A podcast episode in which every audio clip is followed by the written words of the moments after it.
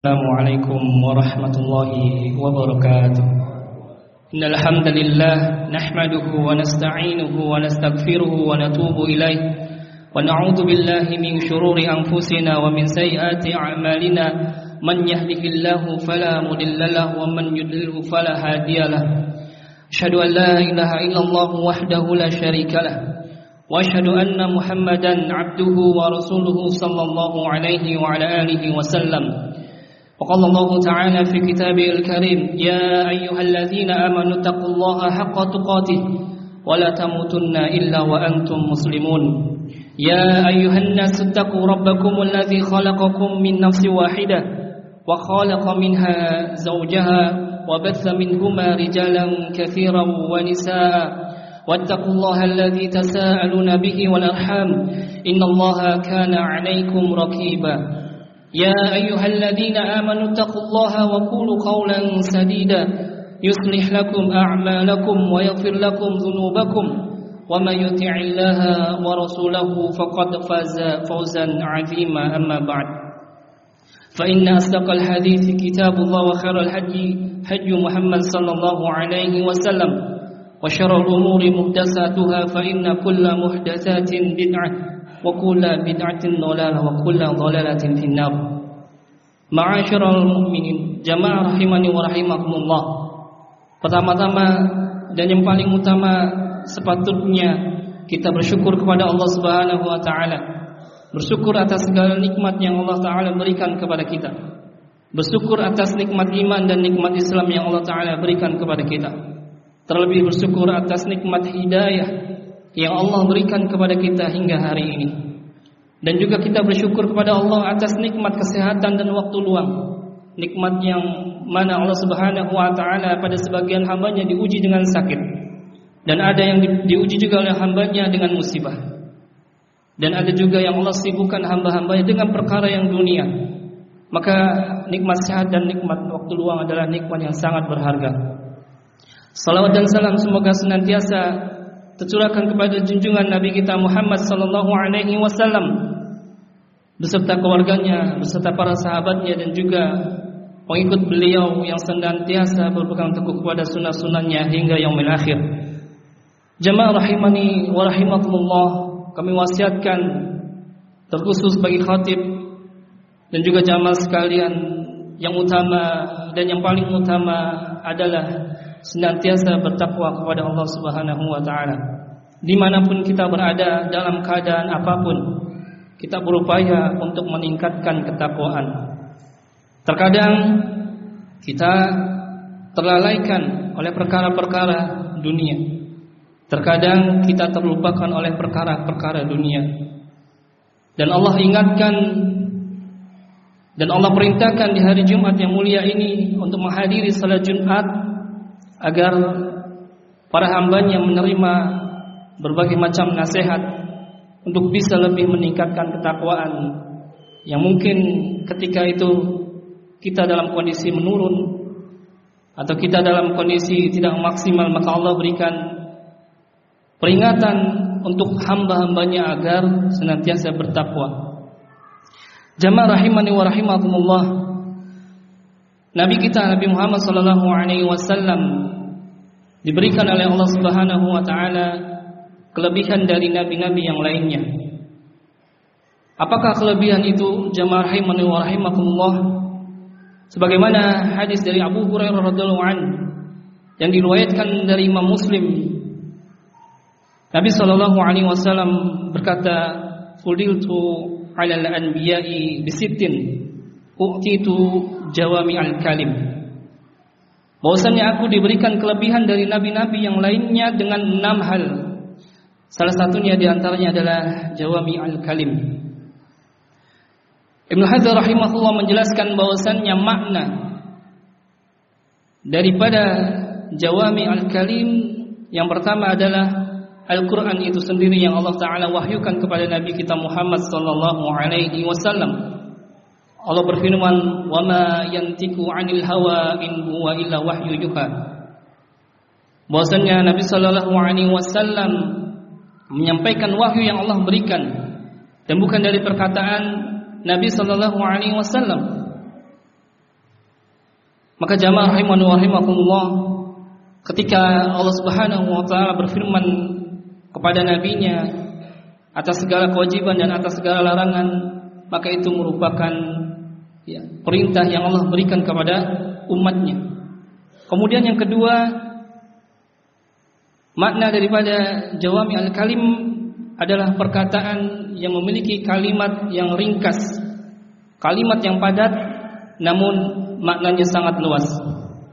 Maka jamaah rahimani wa rahimakumullah kita banyak menemukan hadis-hadis Nabi sallallahu alaihi wasallam, ucapan-ucapan beliau sallallahu alaihi wasallam yang ucapannya ringkas, ucapannya padat namun maknanya sangat-sangat luas. Maka kita jumpai Nabi sallallahu alaihi wasallam memberikan wasiat-wasiat kepada sahabatnya. Wasiat kepada Abu Darda radhiyallahu an. Ada juga hadis yang Nabi SAW memberikan wasiat kepada Abu Dhar dan juga ada hadis-hadis Nabi SAW yang senantiasa memberikan wasiat kepada Abu Hurairah radhiallahu anhu. Maka jamaah rahimani wa rahimakumullah. Hal inilah yang seharusnya kita sebagai umatnya ya lebih semangat dan termotivasi dari nasihat-nasihat Nabi sallallahu alaihi wasallam dari wasiat-wasiat Nabi Sallallahu Alaihi Wasallam. Kita saja yang mana ketika diberikan wasiat oleh sesama manusia atau sesama tetangga atau sekali kerabat, maka kita akan mendengarkannya. Terlebih wasiat ini datangnya dari junjungan kita dari kekasih kita Nabi Muhammad Sallallahu Alaihi Wasallam. Maka sepatutnya kita menyimak, kita memperhatikan, kita tanamkan dalam jiwa kita bahwasanya nasihat Nabi Shallallahu Alaihi Wasallam adalah nasihat yang sangat-sangat berharga. Maka kita lihat nasihat atau wasiat dari Nabi Shallallahu Alaihi Wasallam kepada sahabat, di antaranya adalah kepada Abu Darda radhiyallahu an. Apa isi nasihat yang Nabi Shallallahu Alaihi Wasallam wasiatkan kepada Abu Darda? Hadis ini cukup panjang yang diriwayatkan dari Imam Bukhari dalam Adabul Mufrad di hadis yang ke-8 Bahwasanya Nabi sallallahu alaihi wasallam bersabda dan Abu Darda bercerita Ausani bi Rasulullah sallallahu alaihi wasallam bitis'in bahwasanya Rasulullah sallallahu alaihi wasallam telah mewasiatkan kepadaku sembilan perkara. Yang pertama, la tusyrik billahi syai'an. Wa in kuti'ta au hurikta. Janganlah menyentuhkan Allah Subhanahu wa taala. Walaupun resikonya lehermu akan dipenggal ataupun engkau akan dibakar maka kita berupaya berpegang teguh atas ajaran Allah Subhanahu wa taala untuk jangan mensekutukan Allah taala. Jangan berbuat syirik kepada Allah Subhanahu wa taala. Kita lihat kisah yang sangat masyur dari seorang sahabat Bilal. Ketika disiksa suruh mengucapkan ya sesembahan selain Allah. Maka Bilal mempertahankan tauhidnya dengan mengatakan ahad ahad ahad maka sah maka jamaah rahimani wa rahimakumullah terlebih di zaman yang sekarang ini banyak sekali ya perbuatan-perbuatan atau berita-berita yang tentunya kita harus lebih waspada agar kita jangan sampai terjerumus ke dalam perbuatan syirik. Kemudian yang kedua, Nabi sallallahu alaihi wasallam mewasiatkan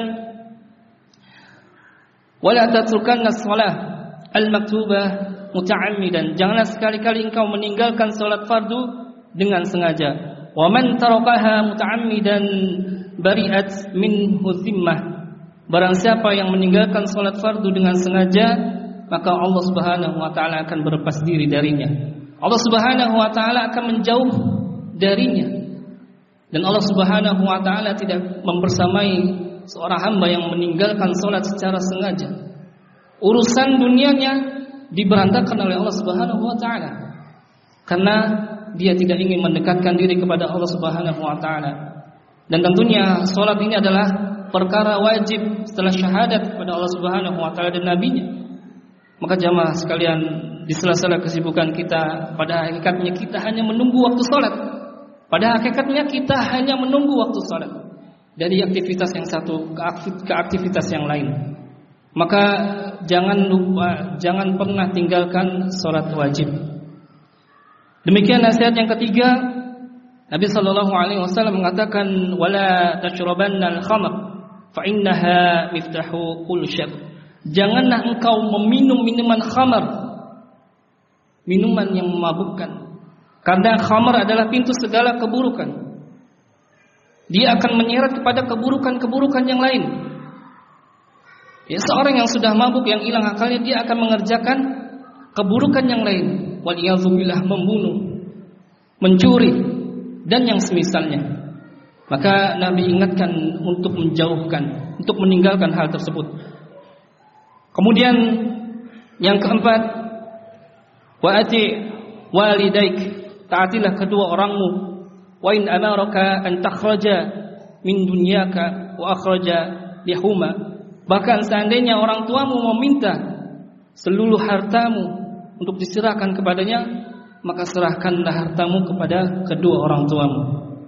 Maka setelah kita mentaati Allah Subhanahu wa taala, menjalankan perintah Allah namun kemudian perintah yang kedua adalah taat kepada kedua orang tua kita selama tidak berbuat maksiat kepada Allah Subhanahu wa taala dan rasulnya. Kemudian yang kelima, Nabi sallallahu alaihi wasallam mengatakan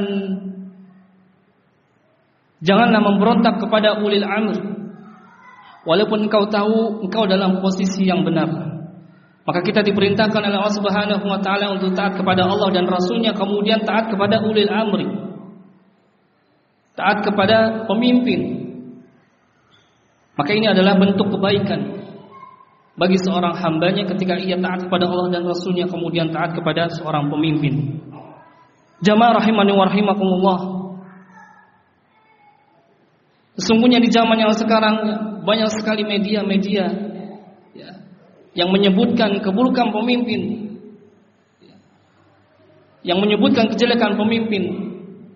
Namun sebagai seorang mukmin sepatutnya ketika kita memberikan nasihat kepada seorang pemimpin maka datangi mereka. Datangi mereka memberikan nasihat kepada mereka cukup dengan empat mata. Bila tidak sanggup bisa dengan wasilah yang lainnya. Yang penting kita tidak membeberkan keburukan atau kejelekan penguasa atau pemimpin kita ya, secara bebas. Demikianlah khutbah yang pertama semoga bisa memberikan manfaat kepada kita. Aku qouli hadza wastaghfiruhu innahu huwal ghafurur rahim. الحمد لله حمدا كثيرا طيبا مباركا فيه مباركا عليه كما يحب ربنا ويرضاه أشهد أن لا إله إلا الله وحده لا شريك له وأشهد أن محمدا عبده ورسوله اللهم صل وسلم على نبينا محمد وعلى آله وصحبه ومن تبعهم بإحسان إلا يوم الدين أما بعد جماعة رحمني ورحمكم الله Wasiat berikutnya, wasiat yang kelima yang Nabi SAW katakan, wasiat keenam Nabi SAW katakan, janganlah engkau lari dari medan peperangan medan pertempuran walaupun engkau akan terbunuh dan sekalipun temanmu yang lain melarikan diri maka ketika kita dihadapkan oleh Allah Subhanahu wa taala dan rasulnya dalam perkara jihad fi sabilillah atau peperangan, maka jangan sampai engkau lari. Dan jangan sampai engkau lari dan meninggalkan ya peperangan tersebut. Kemudian Nabi sallallahu alaihi wasallam mengatakan di wasiat yang ketujuh, "Wa anfiqu min tawlik ala ahlik." Nafkahkan keluargamu dari sebagian harta yang engkau miliki. Maka bagi seorang suami menafkahi keluarga adalah perkara yang wajib. Dari sedekah-sedekah yang sunnah. Ya. Yang lebih utama dan lebih afdal ketika kita mensedekahkan harta kita adalah memberikannya kepada keluarga kita, menafkahi keluarga kita. Kemudian yang ke-8 Nabi sallallahu alaihi wasallam katakan jangan mengangkat tongkat dari keluargamu. Artinya jangan diam saat melihat kemungkaran Ya, ketika kita melihat kemungkaran di lingkungan keluarga kita, kemungkaran di lingkungan kampung kita, di lingkungan tempat tinggal kita, maka nasihati. Ya, jangan sampai kita diam ketika kemungkaran tersebut terjadi. Kemudian yang terakhir jamaah rahimani wa rahimakumullah, Nabi wasiatkan ajarkanlah keluargamu untuk takut kepada Allah Subhanahu wa taala. Ajarkanlah putra-putri kita, ajarkanlah istri kita, ajarkanlah keluarga kita untuk takut kepada Allah Subhanahu wa taala.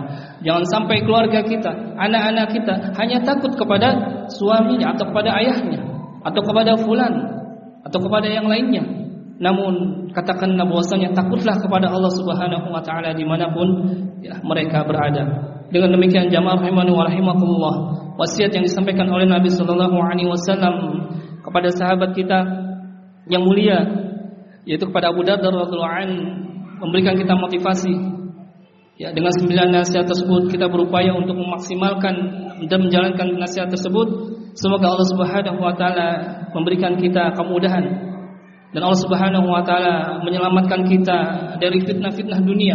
Dan semoga Allah Subhanahu wa taala mengistiqomahkan kita hingga Allah mewafatkan kita dalam keadaan husnul khatimah. Mari kita berdoa kepada Allah Subhanahu wa taala. Di hari yang Jumat yang penuh mulia ini Allah Subhanahu wa taala mengabulkan doa-doa hambanya. Dan Allah Subhanahu wa taala memberikan kita lagi-lagi keistiqomahan dan hidayahnya. Innallaha wa malaikatahu yusalluna 'alan nabi ya ayyuhalladzina amanu sallu 'alaihi wa sallimu taslima. Allahumma salli 'ala Muhammad wa 'ala ali Muhammad kama shallaita 'ala Ibrahim wa 'ala ali Ibrahim innaka Hamidum Majid. وبارك على محمد وعلى آل محمد كما باركت على إبراهيم وعلى آل إبراهيم إنك حميد مجيد. ربنا ظلمنا أنفسنا وإن لم تغفر لنا وترحمنا لنكونن من الخاسرين. ربنا لا تزغ قلوبنا بعد إذ هديتنا وهب لنا من لدنك رحمة إنك أنت الوهاب. ربنا هب لنا من أزواجنا وذريتنا قرة أعين واجعلنا للمتقين إماما. رب اغفر لي ولوالدي وارحمهما كما ربياني صغيرا. ربنا آتنا في الدنيا حسنة وفي الآخرة حسنة وقنا عذاب النار. وقنا عذاب النار وقنا عذاب النار. وصلى الله على نبينا محمد وعلى آله وصحبه وسلم. وآخر دعوانا عن الحمد لله رب العالمين. أكيد الصلاة.